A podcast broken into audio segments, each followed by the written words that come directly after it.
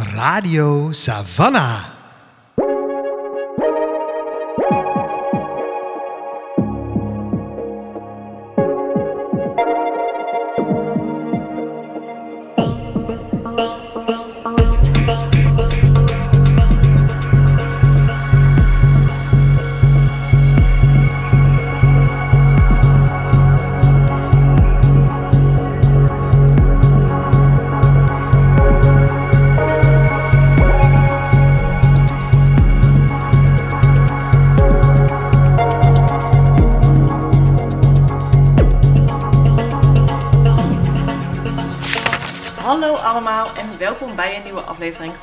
Savannah, de podcast van boekhandel Savannah B. Ik ben Suzanne En ik ben Lola. en Savannah B is een onafhankelijke boekhandel in het centrum van Utrecht. Wij zijn gespecialiseerd in feministische literatuur. Voor ons wil dat zoveel zeggen als literatuur op het snijvlak van gender, queerness, dekolonisatie en de natuur. Yes, en in elke aflevering van deze podcast bespreken wij allerlei interessante boeken Hm? die eh, inhaken op deze thema's en meer. En deze aflevering is het de beurt aan een eh, eh, ja, feministisch oeronderwerp bijna, namelijk gelijke beloning en werk. Wij lazen het boek Waarom vrouwen minder verdienen en wat we eraan kunnen doen, geschreven door Sophie van Gol. Mhm. Eh, wat helemaal duikt in de loonkloof, in werk, in de vrouwen en de arbeidsmarkt en alle, alles wat daarbij komt kijken en alles wat daar vooral ook misgaat. Ja. En wat we eraan kunnen doen. Ja. Ja, je hebt wel gelijk inderdaad. Het is echt zo de- zo'n oerfeministisch thema. Echt zo eh, burn your bra thema eigenlijk. enorm. Ja, maar heel goed om, eh, om even weer eh, in te duiken. Ja, zeker. En ook heel erg in het boek benaderd vanuit een 21ste eeuws perspectief Ja. van een, een jonge econoom die daar heel veel over zeggen heeft. Ja, het ehm, boek maakt eigenlijk meteen een vuist eh, op de achterflap. Ik, lees het even voor, want dan heb je een beetje een idee eh, wat je kan verwachten bij dit boek. Vrouwen verdienen nog steeds minder dan mannen, ook voor vergelijkbaar werk. In een werkend leven lopen zij gemiddeld 300.000 euro mis. En hoewel vrouwen vaker hoog opgeleid zijn dan mannen, stromen ze amper door naar topfuncties. Er zijn in Nederland zelfs meer directeuren met de naam Peter dan vrouwelijke directeuren. Nou, dat geeft wel een beetje een beeld Ja. van... eh, er zitten wat cijfers in dit boek, maar vooral ook een heleboel harde feiten. eh, Ja. Die, eh, Snappy comment. ja, ja, We duiken erin. we duiken erin. Radio Savannah. Dit boek is geschreven door Sophie van Gol. Eh, zij wordt beschreven op haar eigen eh, pagina, auteurspagina, als een idealistisch ondernemer en econoom. Met als missie om de loonkloof te dichten. Met haar bedrijf Salaris Tijger zette ze zich in voor gelijke kansen en gelijke beloning op de arbeidsmarkt. Ehm, en daarna spreekt ze zich veel publiekelijk uit. Bijvoorbeeld als columnist voor het Financieel Dagblad en als presentator van de podcast I'm Speaking. Ehm, dat is Sophie van Gol. Ja, en nu is er een boek. Yes. Vorig jaar in 2021 dus uitgekomen bij Business Contact. Eh, en ook, eh, nou in elk geval bij de bibliotheek waar ik ook werk, een veel geleend boek. Mm. Ik weet niet of het in de winkel ook eh, veel opgepakt wordt. Eh, het wordt wel opgepakt. Er zijn een aantal boeken met vergelijkbare titels. En dat Mm. gaat een beetje in die pool rond. Ja. Ja. ja. Het is een, eh, ja, wat, wij al, wat we al zeiden, een, een heel soort van oer-issue eigenlijk in het feminisme. Waar ik in elk geval ook nog wel eens de neiging bij heb van, ach ja, die loonkloof, waarom hebben we het daar nou nog steeds over? Ja. Eh, ik weet wel dat het een probleem is natuurlijk, maar ehm Ja. het is wel een beetje mijn ja, dingen geld boeien. Geld, ja. En dit boek was wel een hele goede reminder over dat het toch wel een heel complex en veelkoppig probleem is. Waar Ja. we allemaal echt mee, eh, mee aan de slag moeten. Ja. Ja, en het is ook wel een van die problemen waar je, zeg maar, gewoon op feestjes als feminisme ter sprake komt.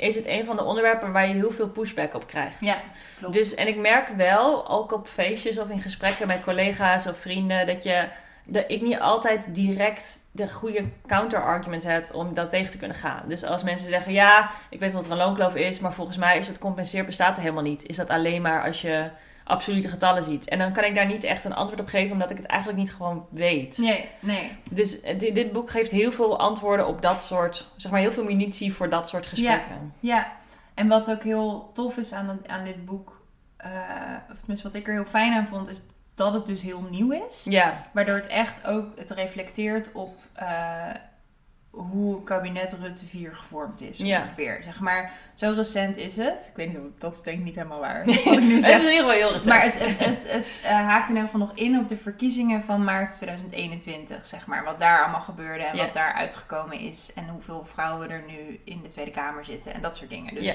het is heel eh, vers. En dat maakt het ook heel fijn, omdat er natuurlijk een heleboel zich ontwikkelt eh, op dit gebied. Ja, en ook omdat, zoals Sophie van Gol zelf ook aangeeft in het boek, heel vaak proberen mensen dit eh, probleem weg te spreken, weg te wuiven. En als je dan bijvoorbeeld met data aankomt die twee jaar oud is, dan eh, zegt iemand die er niet mee bezig wil zijn van ja, maar dat is al verouderd. Ja, Dus dit is, boek is lekker vers. De Ja. cijfers zijn helemaal recent. ja. Ja. up-to-date. ja, heel fijn dat het boek er is. Ja.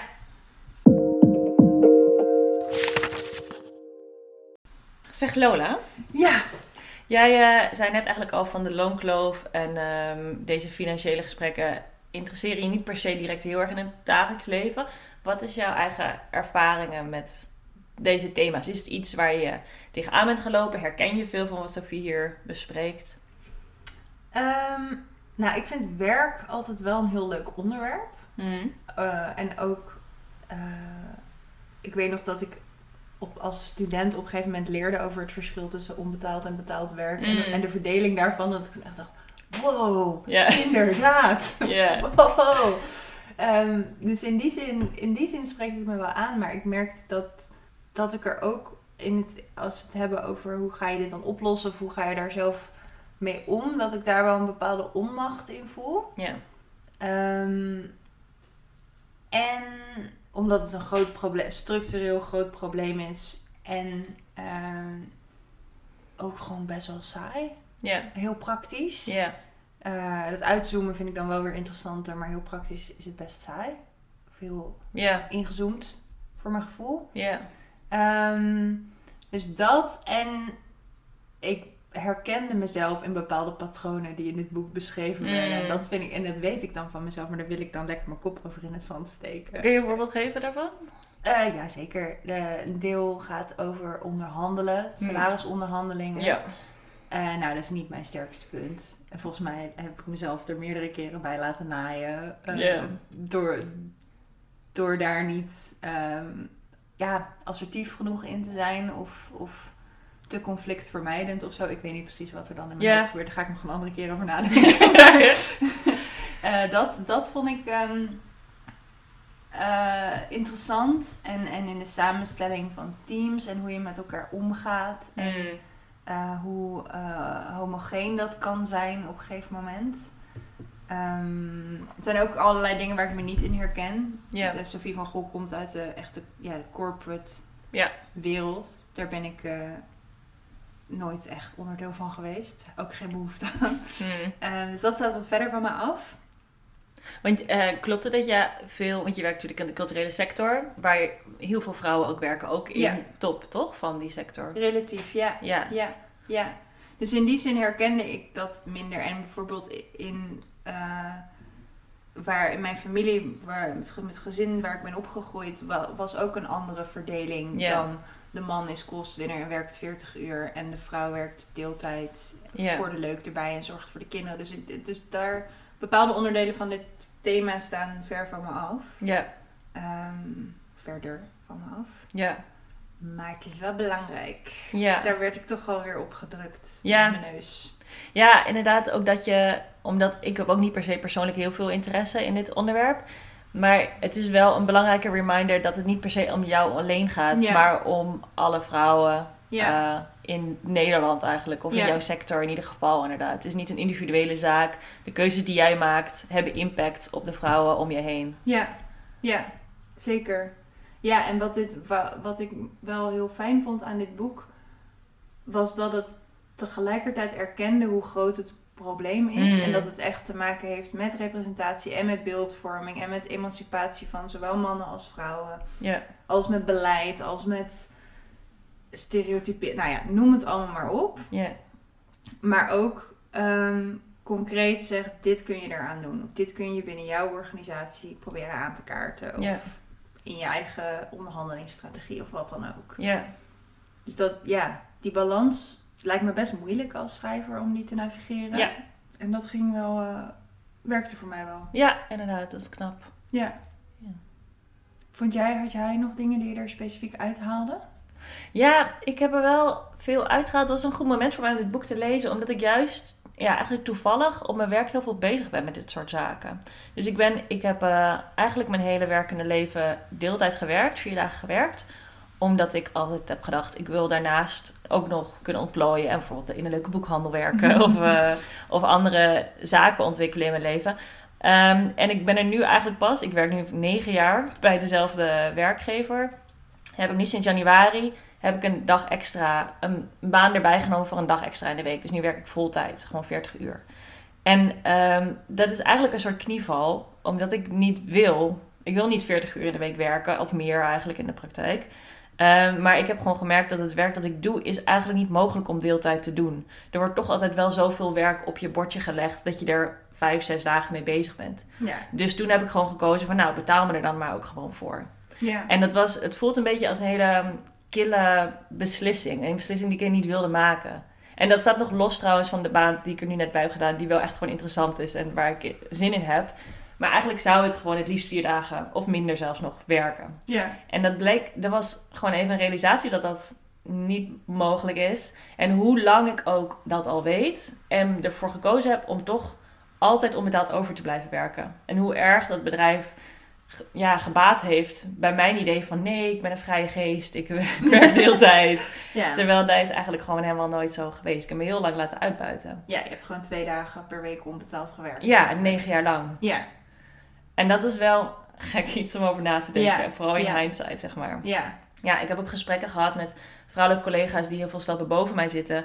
Die ook aangeven van ja, ik heb die keuzes ook gemaakt. En daar heb ik nu eigenlijk spijt van. Want daardoor, aan de ene kant heb ik altijd onbetaald overgewerkt. Aan de andere kant hebben mensen dat wel als excuus gebruikt om mij bepaalde privileges eh, te ontnemen. Ja. Omdat het argument dan ja, je werkt deeltijd, dus je kan niet zo snel carrière maken. Je Ja. kan niet ja, aanspraak maken op die verantwoordelijkheden. Want je werkt deeltijd. Ja. En ik- dat is wel, het was een beetje wel een eye-opener voor me. Dat ik denk, ik moet hier gewoon, ook al interesseert het mij eigenlijk niet, op de lange termijn moet je hier gewoon strategisch Ja. en keel in zijn zakelijk in eigenlijk. zijn. Ja. Ja. ja, dat is wel een goede les van dit boek ook hoor. Dat het is uiteindelijk ook gewoon zakelijk. Ja. Je hebt een zakelijke relatie met je werk. En je werk mag best wat voor jou doen. En moet jou gewoon goed behandelen en goed belonen. ja, en het is ook het werk, tenminste, ik werk op de universiteit, dat is een vrij grote organisatie. Ik kan niet in mijn eentje daar een deeltijdbaan gaan creëren die eigenlijk niet daar bestaat. Nee. Dus het is ook, ik had gehoopt dat dat zou kunnen. En Ja. dat is ook jammer dat dat gewoon niet Ja. gaat. Ja. Dus daar was ik veel over na denken. En tegelijkertijd ben ik ook bezig met het nadenken over gewoon wat ik verdien voor het werk dat ik doe. En Ja. ik weet dat ik veel te laag ben ingeschaald. Ja. En er zit een soort van wat jij ook al zei van ik ga dan vaak niet verhoging vragen. Omdat ik dan ook denk van ja, maar ik vind mijn werk hartstikke leuk. Ik ben al lang zeg maar zo blij dat ik dit werk mag doen. Dat ik überhaupt betaald werk heb. I know. Ja. En het is ook zo'n gekke Ja. manier van denken inderdaad. Ja. En daardoor probeer ik het eigenlijk niet eens. Of soms dan zeg ik het en dan wordt gezegd, nou, da- dat is nu misschien een beetje vroeg, maar goed, we noteren het. En dan volgend jaar bij je RNO-gesprek of je talents en eh, development eh, Ja. potential gesprekken, hoe het heet. Ja. Ja. Eh, is het dan weer van tafel. Ja. En dat zijn ook zaken inderdaad om gewoon... Ja. er zit een, een citaat in het boek waarin ze zegt, ehm, als je bijvoorbeeld toch al weet dat je van baan gaat wisselen of dat je erover nadenkt, probeer maar eens gewoon ontslagen te worden. Ja, dat Kijk je- maar hoeveel je kan maken. Ja, precies. Ja, trek de stoute schoenen aan. En, Ja. ja. ja. Ja, en wat ik ook nog een, daarop inhakend een, een eye-opener vond was... ehm, het feit dat je een CAO hebt, Mm. waar dan op terugverwe- naar terugverwezen kan worden, betekent niet dat je eerlijk betaald wordt. Dat je eerlijk be- gelijk beloond wordt als je, als je collega's, mannelijk of vrouwelijk of anders. Ja. Ehm, en dat, daar, daarvan dacht ik wel, oh ja. Want zo'n CAO voelt dan als een soort steuntje in de rug, wat het natuurlijk ook is op heel veel fronten. Maar dat betekent niet dat het fair gaat. Nee. Of dat er geen ongelijkheid kan ontstaan. Nee. En dat het niet zo kan zijn dat een één collega hetzelfde werk doet, maar twee trappen hoger of twee schalen hoger zit. Ja. Eh, alleen maar omdat diegene tien jaar ouder is, bijvoorbeeld. Ja, inderdaad. Of dat je in naam dezelfde functie hebt, Ja. maar dat je in de praktijk helemaal niet hetzelfde werk of dezelfde verantwoordelijkheden daarna Nee, precies. krijgt. Ja. Dus het is me echt heel veel. Anyway, jullie merken, het heeft veel bij ons Het losgemaakt. heeft zeker veel losgemaakt. En het was heel goed om... We hebben onszelf met het maken van deze aflevering eigenlijk gedwongen om er even in te duiken. Ja. En dat is eigenlijk heel goed. Nou, en ik heb dus over drie weken, heb ik met talent, eh, weet ik veel, gesprek. Ja, Dus nu- ik ben helemaal fired up. dat zie me Je aankomen. legt het boek op tafel. I know. Moeten jullie eens horen. Ja. Nou, in dit boek eh, verkent Sophie van Gol dus al deze problemen en deze hele situatie. Dus het is een heel groot thema wat ze ook groot in wil steken. En ze maakt het een beetje behapbaar door eh, verschillende hoofdthema's te kiezen en daar de hoofdstukken omheen te, eh, daarop te baseren. Eh, in het eerste hoofdstuk gaat over deeltijd werken. Dan is er een hoofdstuk over de loonkloof. En vervolgens is er een hoofdstuk over macht. Formele en informele macht. Ehm, en wij volgen gewoon die structuur maar eventjes Ja. hier in ons gesprek. Ja, en wat wel dus ook gaat betekenen dat we een heleboel onderwerpen niet gaan aanstippen die Ja. zij wel in het boek noemt. Ja. Dus ook over bedrijfscultuur, over eh, kinderopvang. Er gaat heel veel over gezins, ouderschapsverlof. Ja. Daar. Ja. Lees het boek. Inderdaad. Wij, eh, wij focussen ons voor nu eens even eerst op eh, deeltijd werken. Mhm. En wat heel leuk was, was dat Sophie van Gol eigenlijk begint met een soort van geschiedenis van het deeltijdwerken. Ja. Waar komt dat vandaan? Het is een, een eh, blijkt door een Hilda Verwij Jonker eh, in de jaren zeventig eh, bedacht te zijn. En als een soort van polderoplossing eh, ontstaan te zijn om meer vrouwen naar de arbeidsmarkt te trekken. Mhm. Ehm, wat ik leerde was dat het een heel Nederlands iets is om deeltijd te werken. Dat wist ik niet. Waar het toe heeft geleid was dat heel veel vrouwen dus in de jaren 60, 70 konden gaan werken en een combinatie konden maken tussen het werk wat ze deden voor hun gezin, het onbetaalde werk, en een betaalde functie. En dat hebben vrouwen toen ook massaal gedaan. Dus dat was eigenlijk een hele grote feministische overwinning, Ja. omdat het in, in zelfstandigheid en zelfontplooiing voor vrouwen een heel grote stap vooruit was eigenlijk. Eh, waar, waar ze dus een aantal jaren daarvoor nog ontslagen werden zodra ze een kind kregen en eh handelsonbekwaam waren, konden ze nu ineens deels hun eigen geld verdienen. Ja, ik vind het altijd heel fijn als mensen een stukje geschiedenis geven. Ja. Al is het maar om je even bewust te maken van hoe kort geleden deze verwervingen zijn. Ja, Dus dat in 1955 werd, pas, eh, werd het pas eh, uit de wet gehaald dat ongehuwde vrouwen niet mochten werken. ja, In 1957 werd pas de handelingsonbekwaamheid van getrouwde vrouwen pas opgeheven. ja, Dus het is zo kort geleden. ja. Dus ik ben heel blij dat ze, er, dat ze die historische schets geeft. Niet alleen omdat het uitlegt waar we nu zijn, maar ook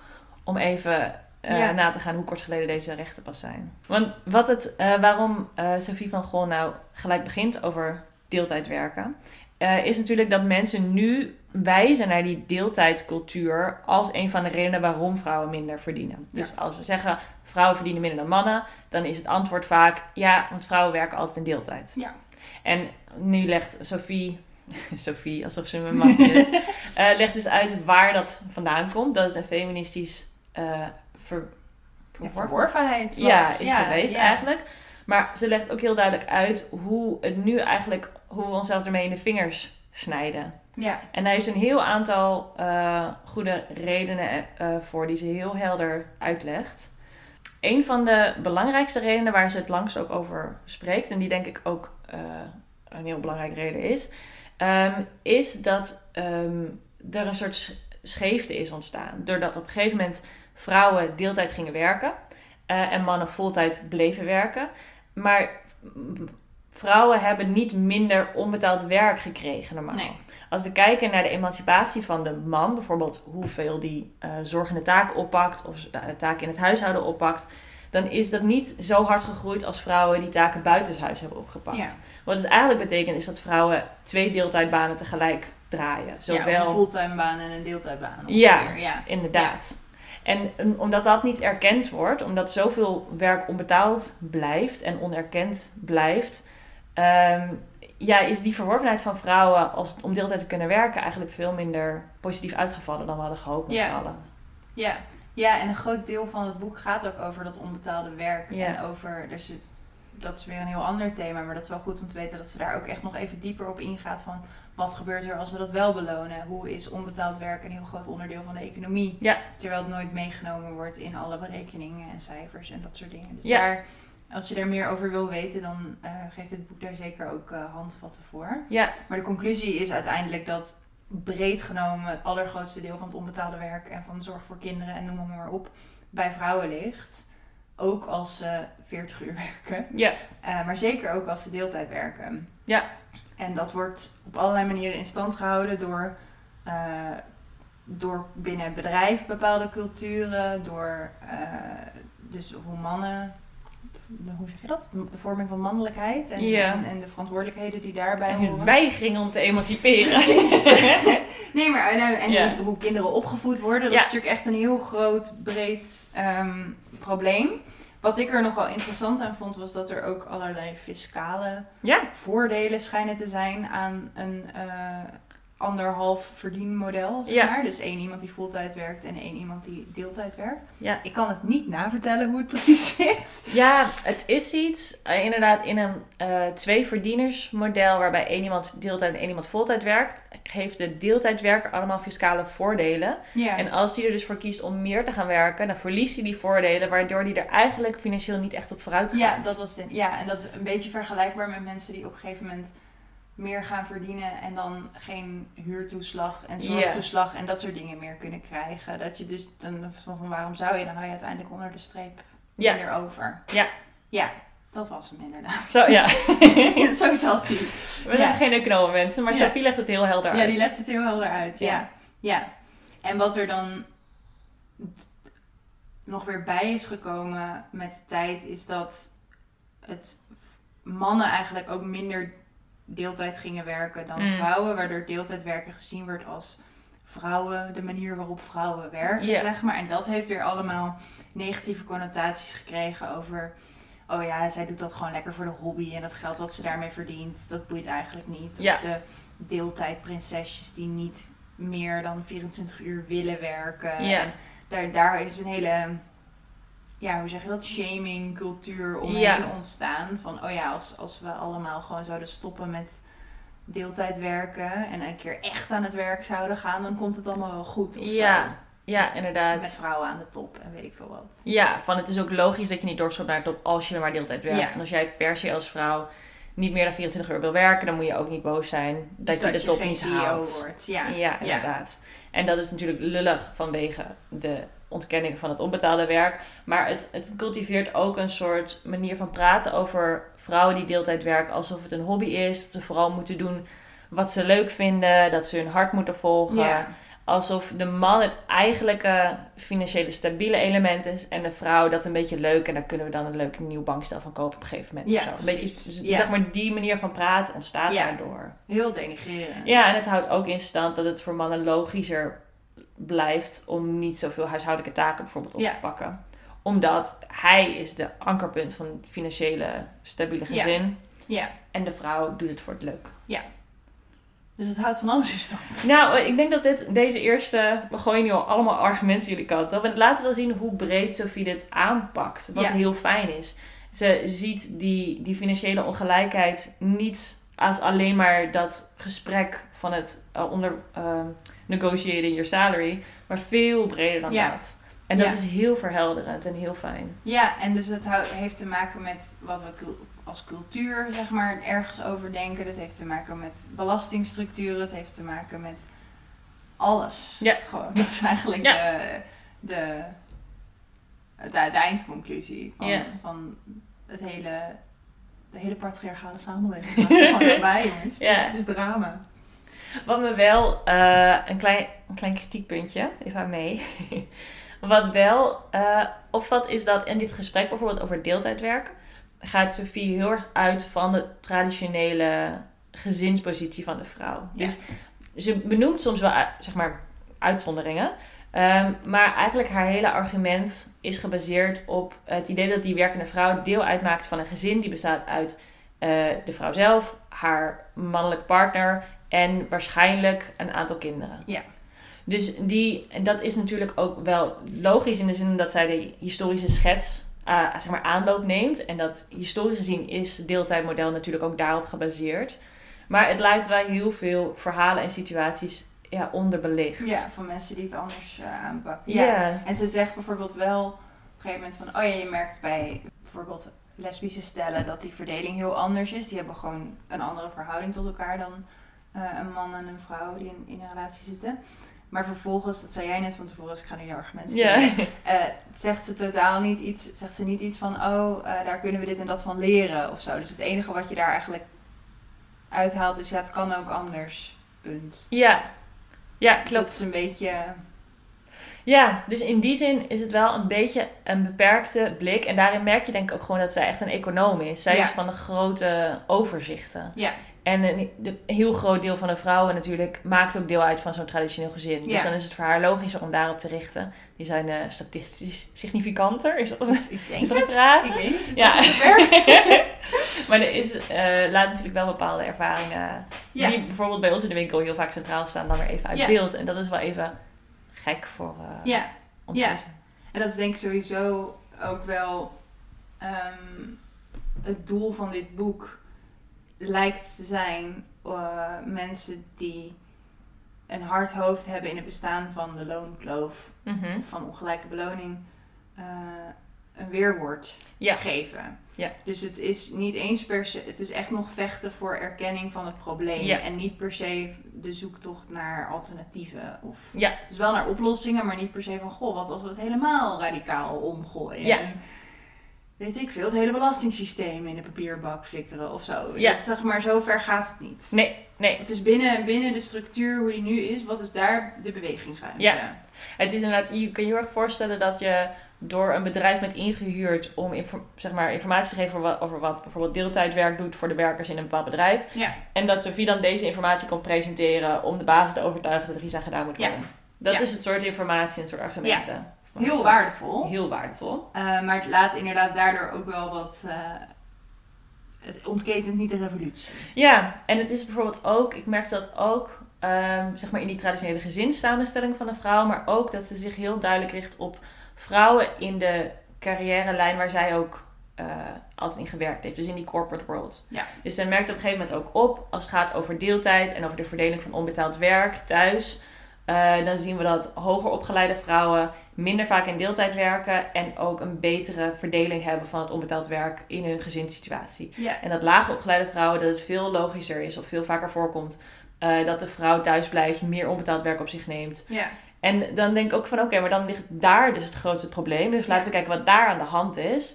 En dan gaat Sophie praten met Nelly Kroes over deeltijd werken. Ja. En dat is super interessant, maar het lijkt net alsof daar het misschien het minste halen is. Ja. Dus waarom focussen we dan zo op die hoogopgeleide vrouwen in de corporate world die CEO willen worden?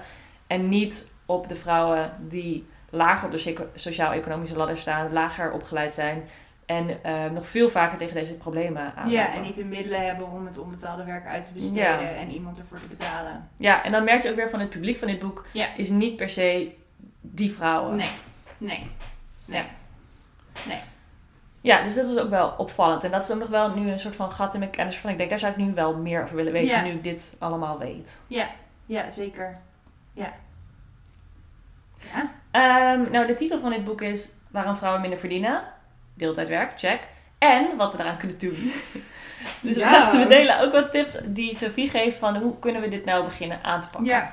Ja, en ik denk de, de grootste en meteen ook een hele moeilijke is het ofwel betalen slash vergoeden van onbetaald werk. Mhm. Eh, bijvoorbeeld door een eh, basisinkomen in te stellen of op een andere manier.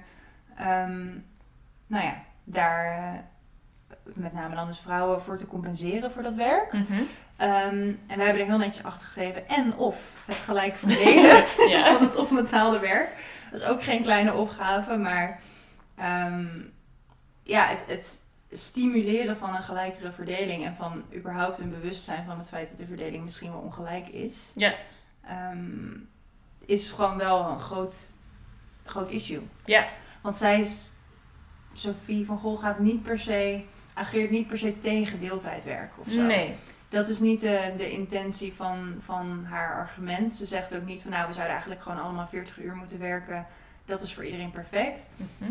Zij, haar doel is veel meer... Oké, deeltijd is een, is een ding. En er zitten heel veel, met name vrouwen, die zijn er die, die deeltijd werken. Om, wat, om allerlei diverse redenen. En hoe kunnen we zorgen dat zij onderaan de streep belo- eerlijk beloond worden? Ja. Dus het gaat niet om het omvormen van... We zouden allemaal wel of niet deeltijd moeten werken. Nee, hoewel ze inderdaad wel ook bijvoorbeeld te- ehm, informatie geeft over eh, het basisinkomen Ja. en dat soort meer radicale oplossingen inderdaad. Maar dat is Ja. niet per se haar eerste line of attack. Nee, en ook niet. Je hebt ook wel experimenten met eh, bedrijven die dan een zesurige werkdag. Ja, Dat soort dingen noemt ze ook wel. Van, van Ja. oh ja, dat, dat, er op die manier eh, wel ook überhaupt anders wordt gekeken naar Ja. werk-privé-verdeling. Ja.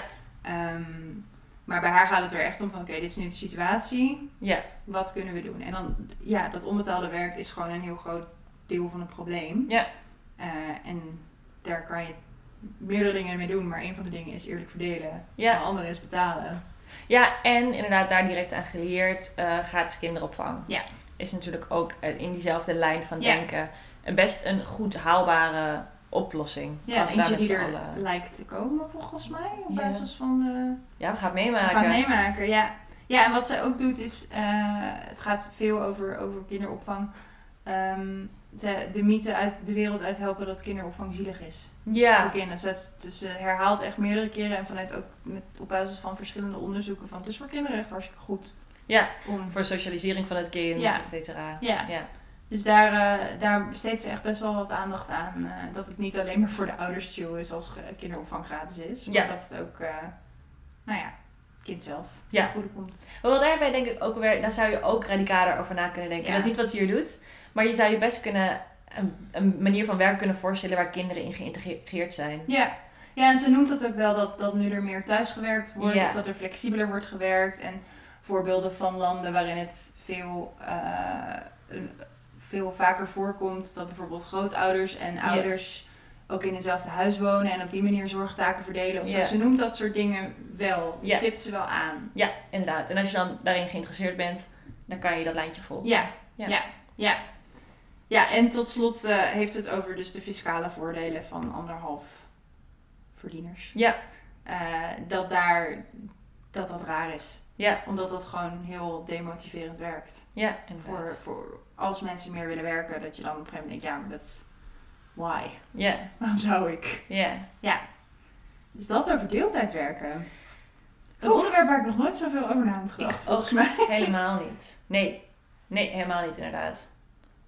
Speaking of mensen, tenminste ja, jij werkt te lang deeltijd op papier. Ik nog steeds. Ja, Dus eigenlijk raar dat ik er nooit over na heb gedacht. ja. Maar eh, Ja, want ik heb dus altijd deeltijd gewerkt, bewust. Wilde ik ook, wil ik eigenlijk nog steeds. Maar is eigenlijk in het werk dat ik doe niet mogelijk nee. om deeltijd te werken. Deze Nee. functie bestaat alleen maar als vijf, zes dagen per week. En er zijn natuurlijk ook heel veel banen waarin het juist andersom niet mogelijk is. Ja, Dat je voltijd zou willen werken, maar dat, je, dat er bijvoorbeeld iedere dag maar vier uur werk is ja. in de functie die, die je doet. Ja, en dan moet je wel eh, vijf, zes dagen werken om een beetje aan je uren te komen. En, Ja. ja, ja. Ja, ik, eh, in mijn werk was het gewoon geen optie om, om meer dan, volgens mij, 24 uur geloof ik is de max van contracten die nu, eh, Mm, die toen althans aangeboden werden. ja, Eh, dus al had ik het gewild, ja, had het niet gekund. Ja. En dat geldt natuurlijk voor heel veel banen. Ook in de zorg, in allerlei flexibele banen waar je wel heel erg beschikbaar moet zijn. Eh, maar nooit 40 uur kan maken. ja. Dat, eh, ja. Ja, dus er is heel veel, ehm, ja, er is heel veel over te zeggen. en heel veel, van heel veel manieren aan te vliegen. En ik heb ook, het is niet meer dat ik nu klaar ben met erover na te denken Nee. eigenlijk. Nee. Want ik vind het ook interessant, ze benoemen het een aantal keer als deeltijd werken een soort van vrouwelijke manier van werken is. Of je werk indelen is, als we dat even simplistisch gezien stellen.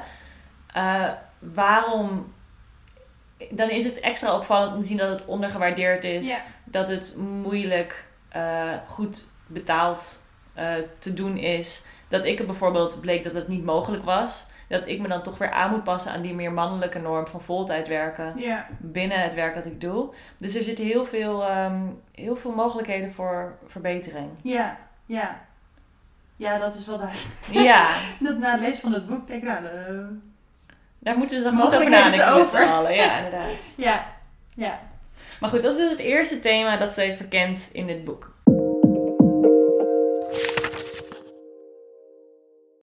Het tweede thema is net zo min een thema waar ik uh, vaak over nadenk.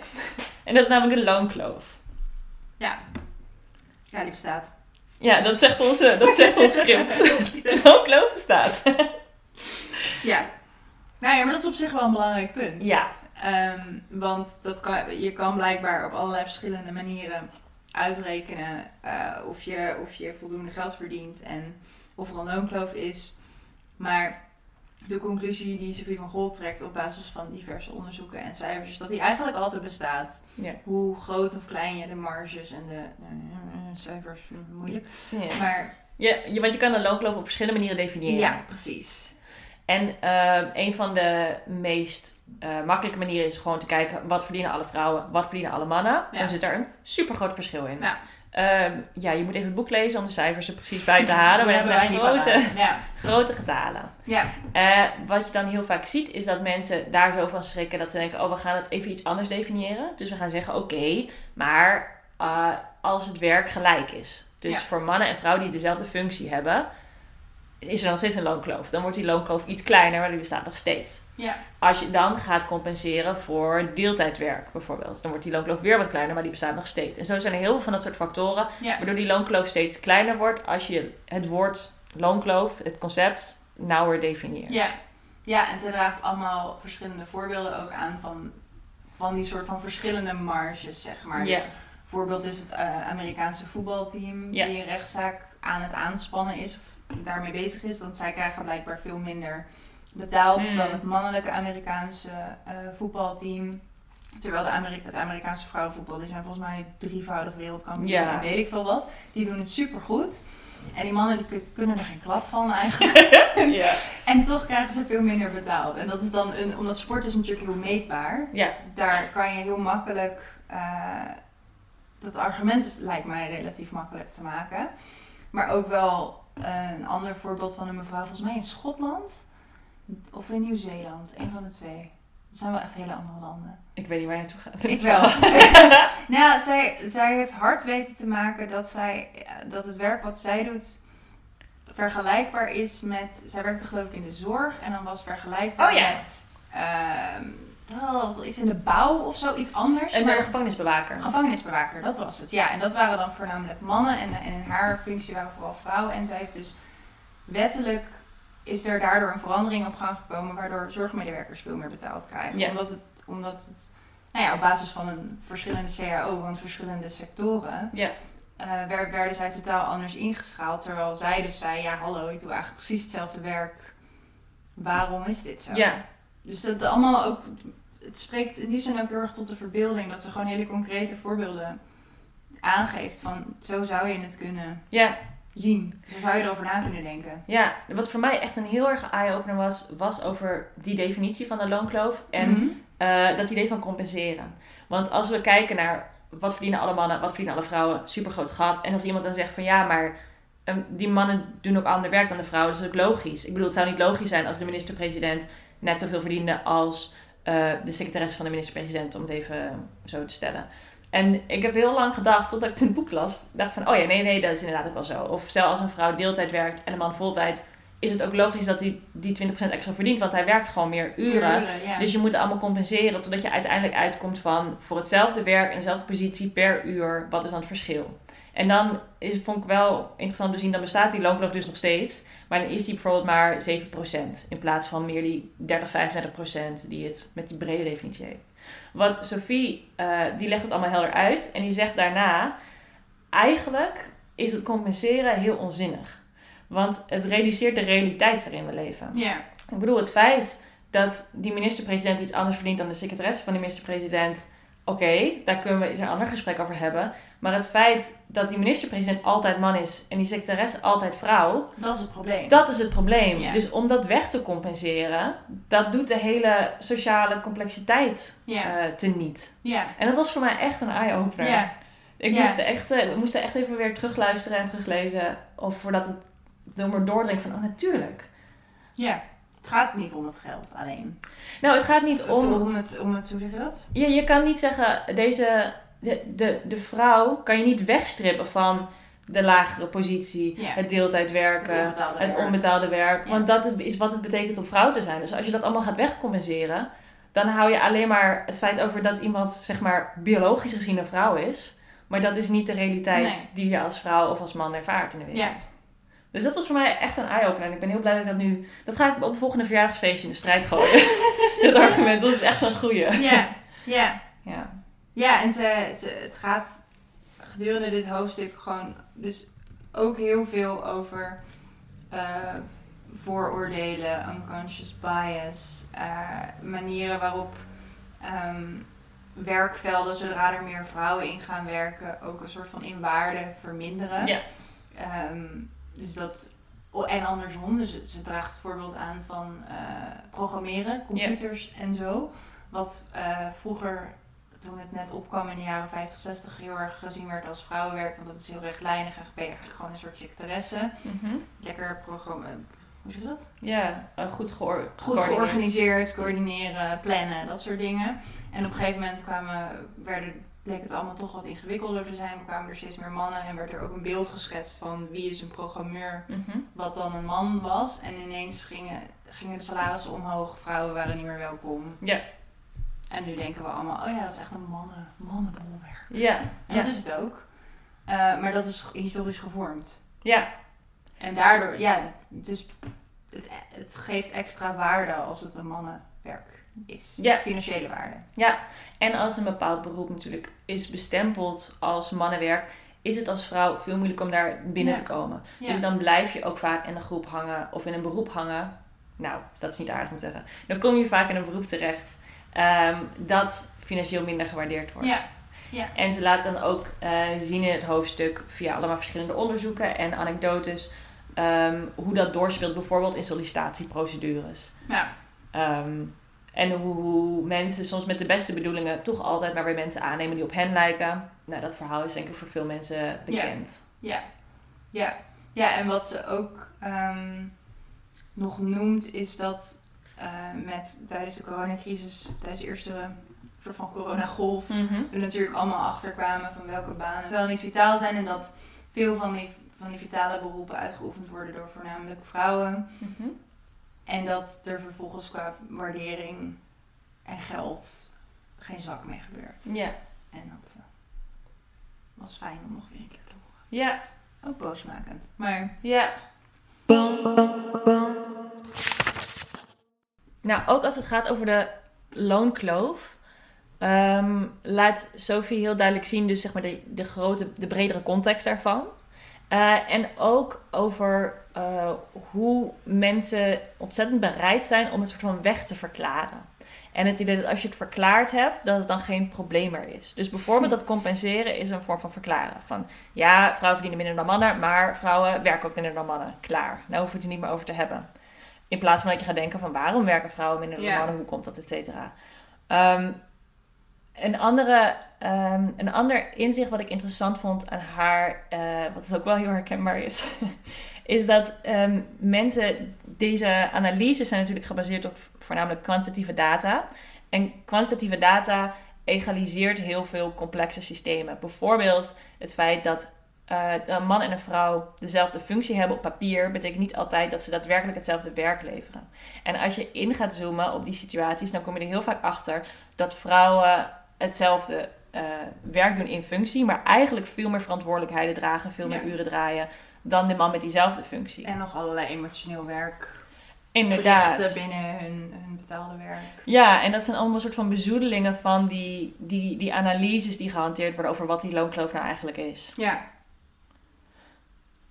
Nou, was niet onherkenbaar, denk ik. Nee, dat is niet onherkenbaar, Nee. inderdaad. Nee. nee. Nee. En ook omdat eh, wanneer mannen in zo'n functie merken dat er meer verantwoordelijkheden bij komen, vaker eh, dan ook promotie maken. Ja, Terwijl, en- Daadwerkelijk een stap zetten. ja, en dan wordt er heel vaak ook weer als verklaring gegeven, ja, maar vrouwen die vragen dan ook niet om promotie, of vrouwen die kunnen die onderhandelen niet goed aan, die vinden dat eng en die zijn te bescheiden.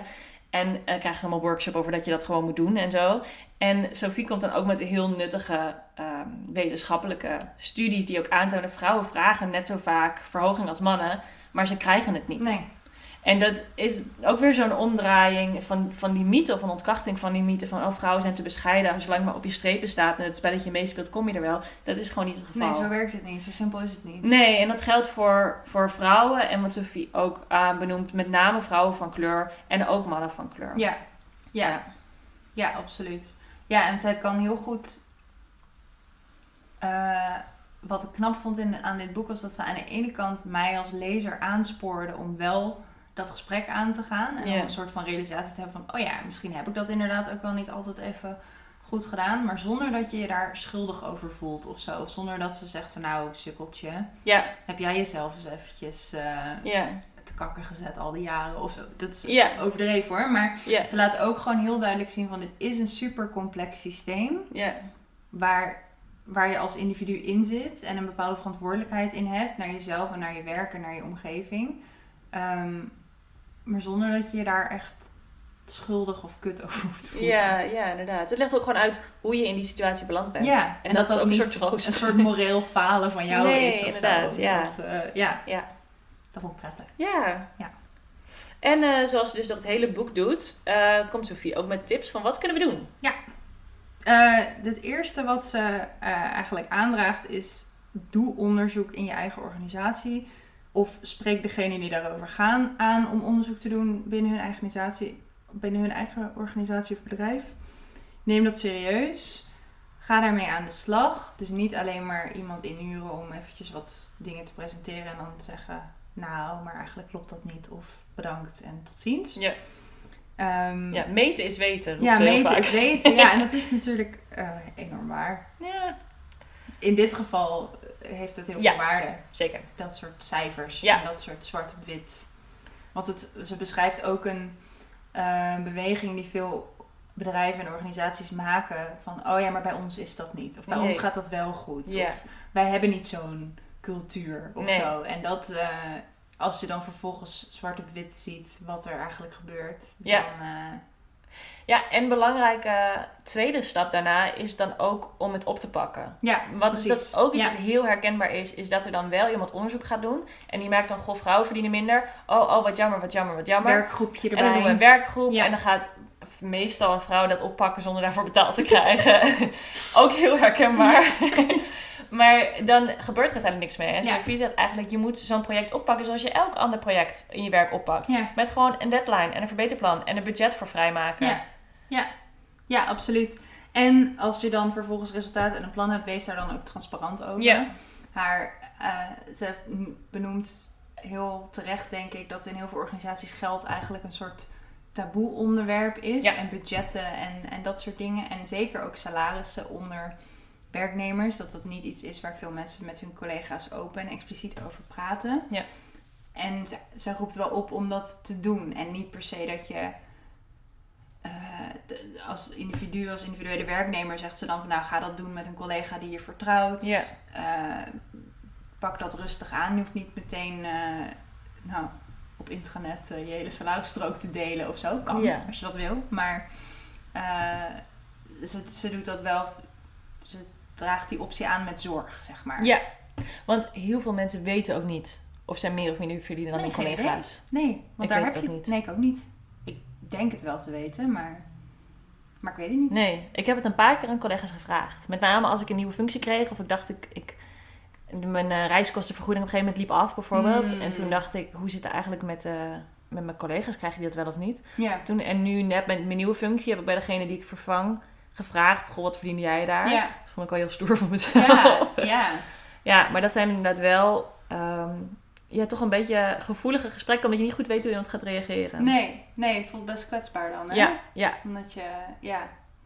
Maar ja, het, het, het is wel een heel goed idee. ja, Ik heb ooit van, een, van iemand anders de tip gekregen om te vragen, niet per se van wat verdien je onder de streep, maar in welke schaal ben jij ingeschaald of zo, zoiets. En dat is een, misschien een wat moeilijkere vraag, want ik kan me best voorstellen dat je dat antwoord niet 1, 2, 3 op kan lepelen. Maar dat is een nog iets meer een verkapte manier om het aan te pakken. Ja. Die wellicht iets minder direct eh, voelt. ja. Dus een tip van mij. Ja, dankjewel Lola. Ja. Ja. Eh, ja, een andere tip, natuurlijk een manier van aanpak, is gewoon wel je salarisverhoging eh, op tafel leggen.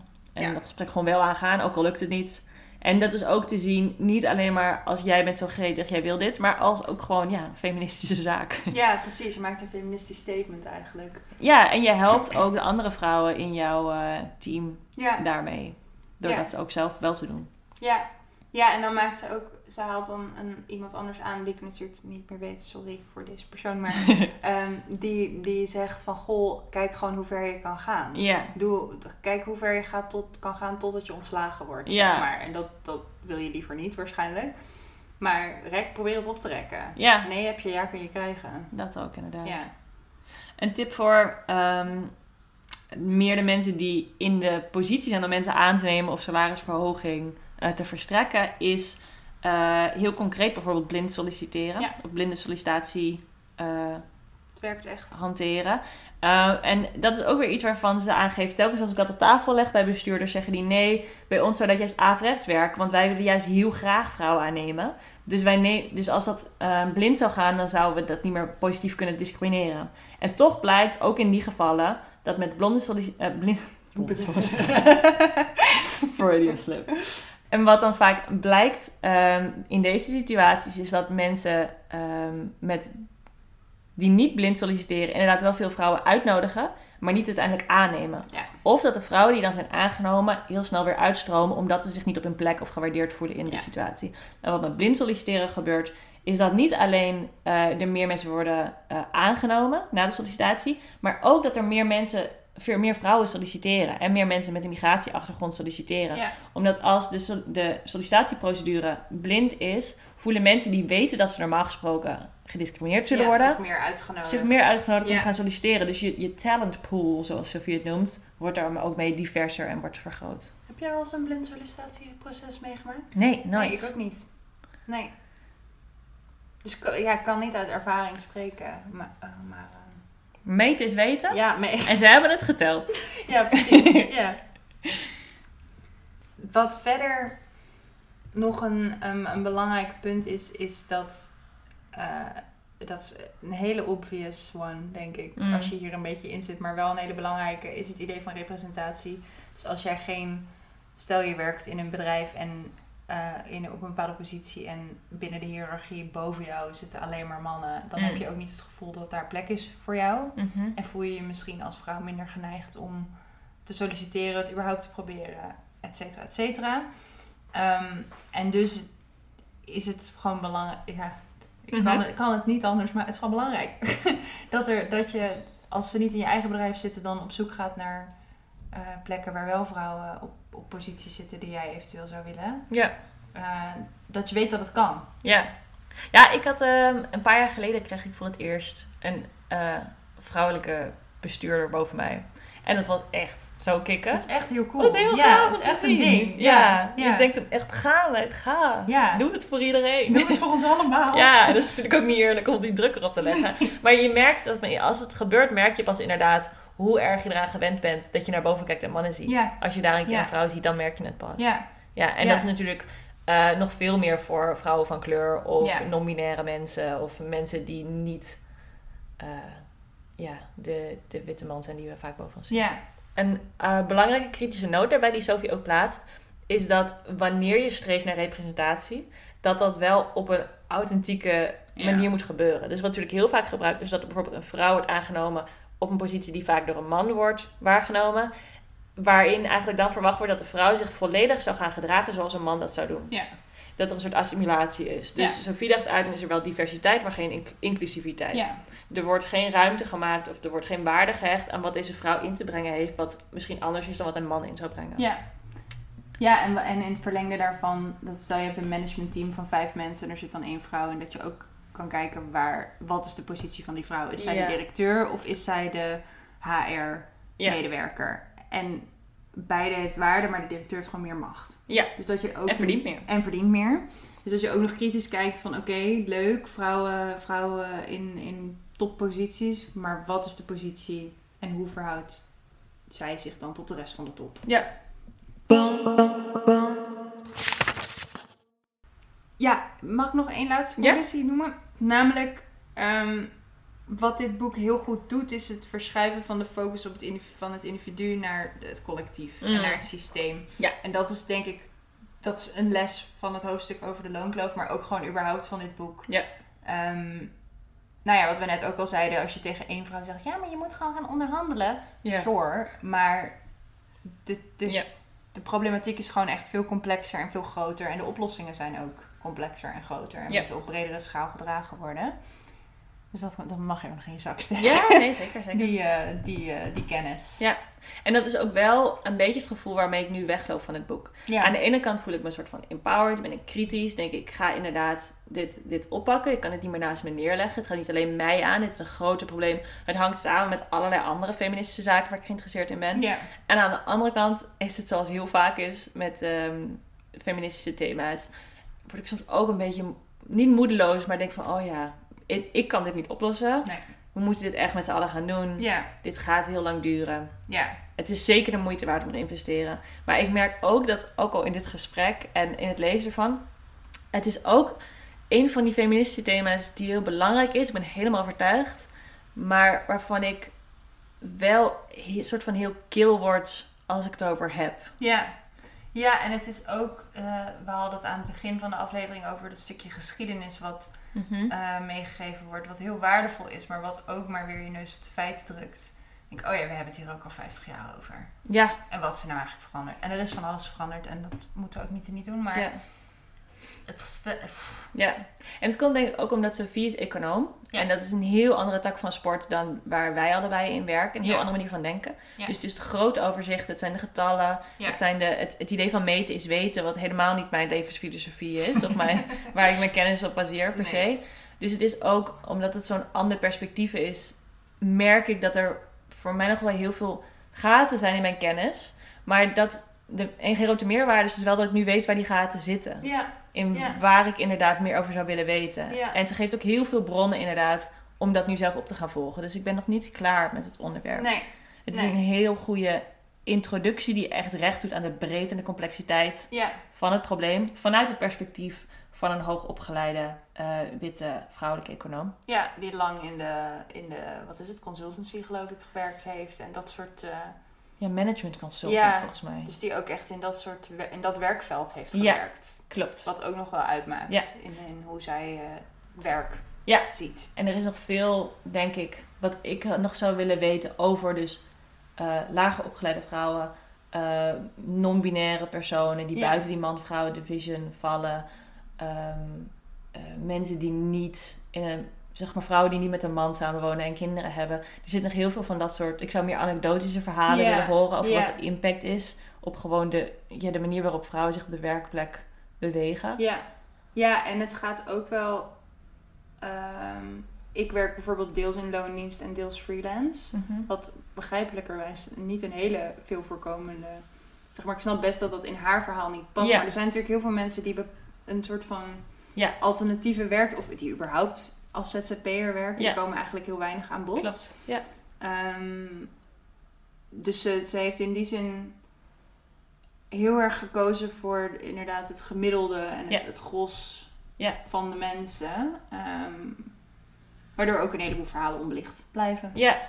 Of situaties niet minder uitgebreid aan bod komen. Ja, ik denk dat het grootste goed van dit boek is dat het één, het onderwerp op tafel legt. Ja. Dat het twee, de munitie geeft, zeg maar, om, dit, om de meest standaard mythes en eh soort van wegverklaringen eh, te, ja, tegemoet te komen. Ja. Eh, en drie, inderdaad, is het ook een uitnodiging gewoon om te kijken waarvoor je nog de gaten in de kennis zit en hoe je dat nog verder op wilt gaan Ja. vullen. Ja, en ik denk vier. En dat is, dat, dat, dat is gewoon heel logisch. Namelijk dat dit een Nederlands boek is. Ja, Over Nederlandse context. Ik vind Ja. toch vaak ook een aantal van de bronnen die zij aanhaalt, dat gaat dan niet over. Het gaat dan over Amerika of over weet ik Ja. veel welke, welke andere eh, nationale context. Maar wij zitten hier met dit systeem en Ja. dit belastingssysteem en deze minister-president en noem maar, maar Ja. op. En ik vind het altijd fijn Ja. als dat, eh, ja, klopt. Wel, trouwens, kleine noot, de Europese gedeelte van Nederland natuurlijk alleen. Ja. ja. Maar dat is bijna altijd het geval. Ja, nee, dat is Nederland- zeker waar. Ja. Maar het geeft wel. ehm, eh, ja, extra begrip van je eigen situatie. Het is Gewoon direct toepasbaar als je hier in Nederland woont en werkt. Ja. Ja, ik ben heel blij dat we het eh, Ja, gelezen hebben. Zeker. Ja, ik ben ook heel benieuwd wat dit in andere lezers naar boven brengt. Want je gaat toch, omdat het ook een vrij algemeen verhaal is, ga je het op jezelf Ja. toepassen. Wij hebben dat nu een beetje gedaan. Ja. Maar als je nou zit te luisteren en je denkt, ik wil er eigenlijk best wel verder over kletsen. ja. eh, ik wou zeggen bel ons, maar dat is misschien wat te heel direct. maar mag wel. nou ja, of tag ons, eh, Ja, mail ja. ons, laat Ja. het weten via de socials. We zijn er. Het is een mooi gesprek, denk ik, om te voeren. Absoluut. Nou, met deze oproep eh, zijn we aan het einde van deze aflevering van Radio Savannah. Eh, wij danken jullie natuurlijk heel erg voor het luisteren allemaal. Wij danken zoals altijd Gooflooks voor het maken van onze jingles en onze intro en outro muziek. We danken Rieke Blom voor het maken van onze logo. Mm. En eh, we zijn eh, volgende week weer eh, bij jullie terug. Yes, en tot dan. Het boekwinkel Savannah B. Info at savannahb.nl is e-mailadres. Let us know wat je daarvan vindt. Ja, laat een recensie achter. Oh ja. Sterretjes. Luister alle andere afleveringen terug als je dat niet Veel huiswerk hebben we Heel veel huiswerk.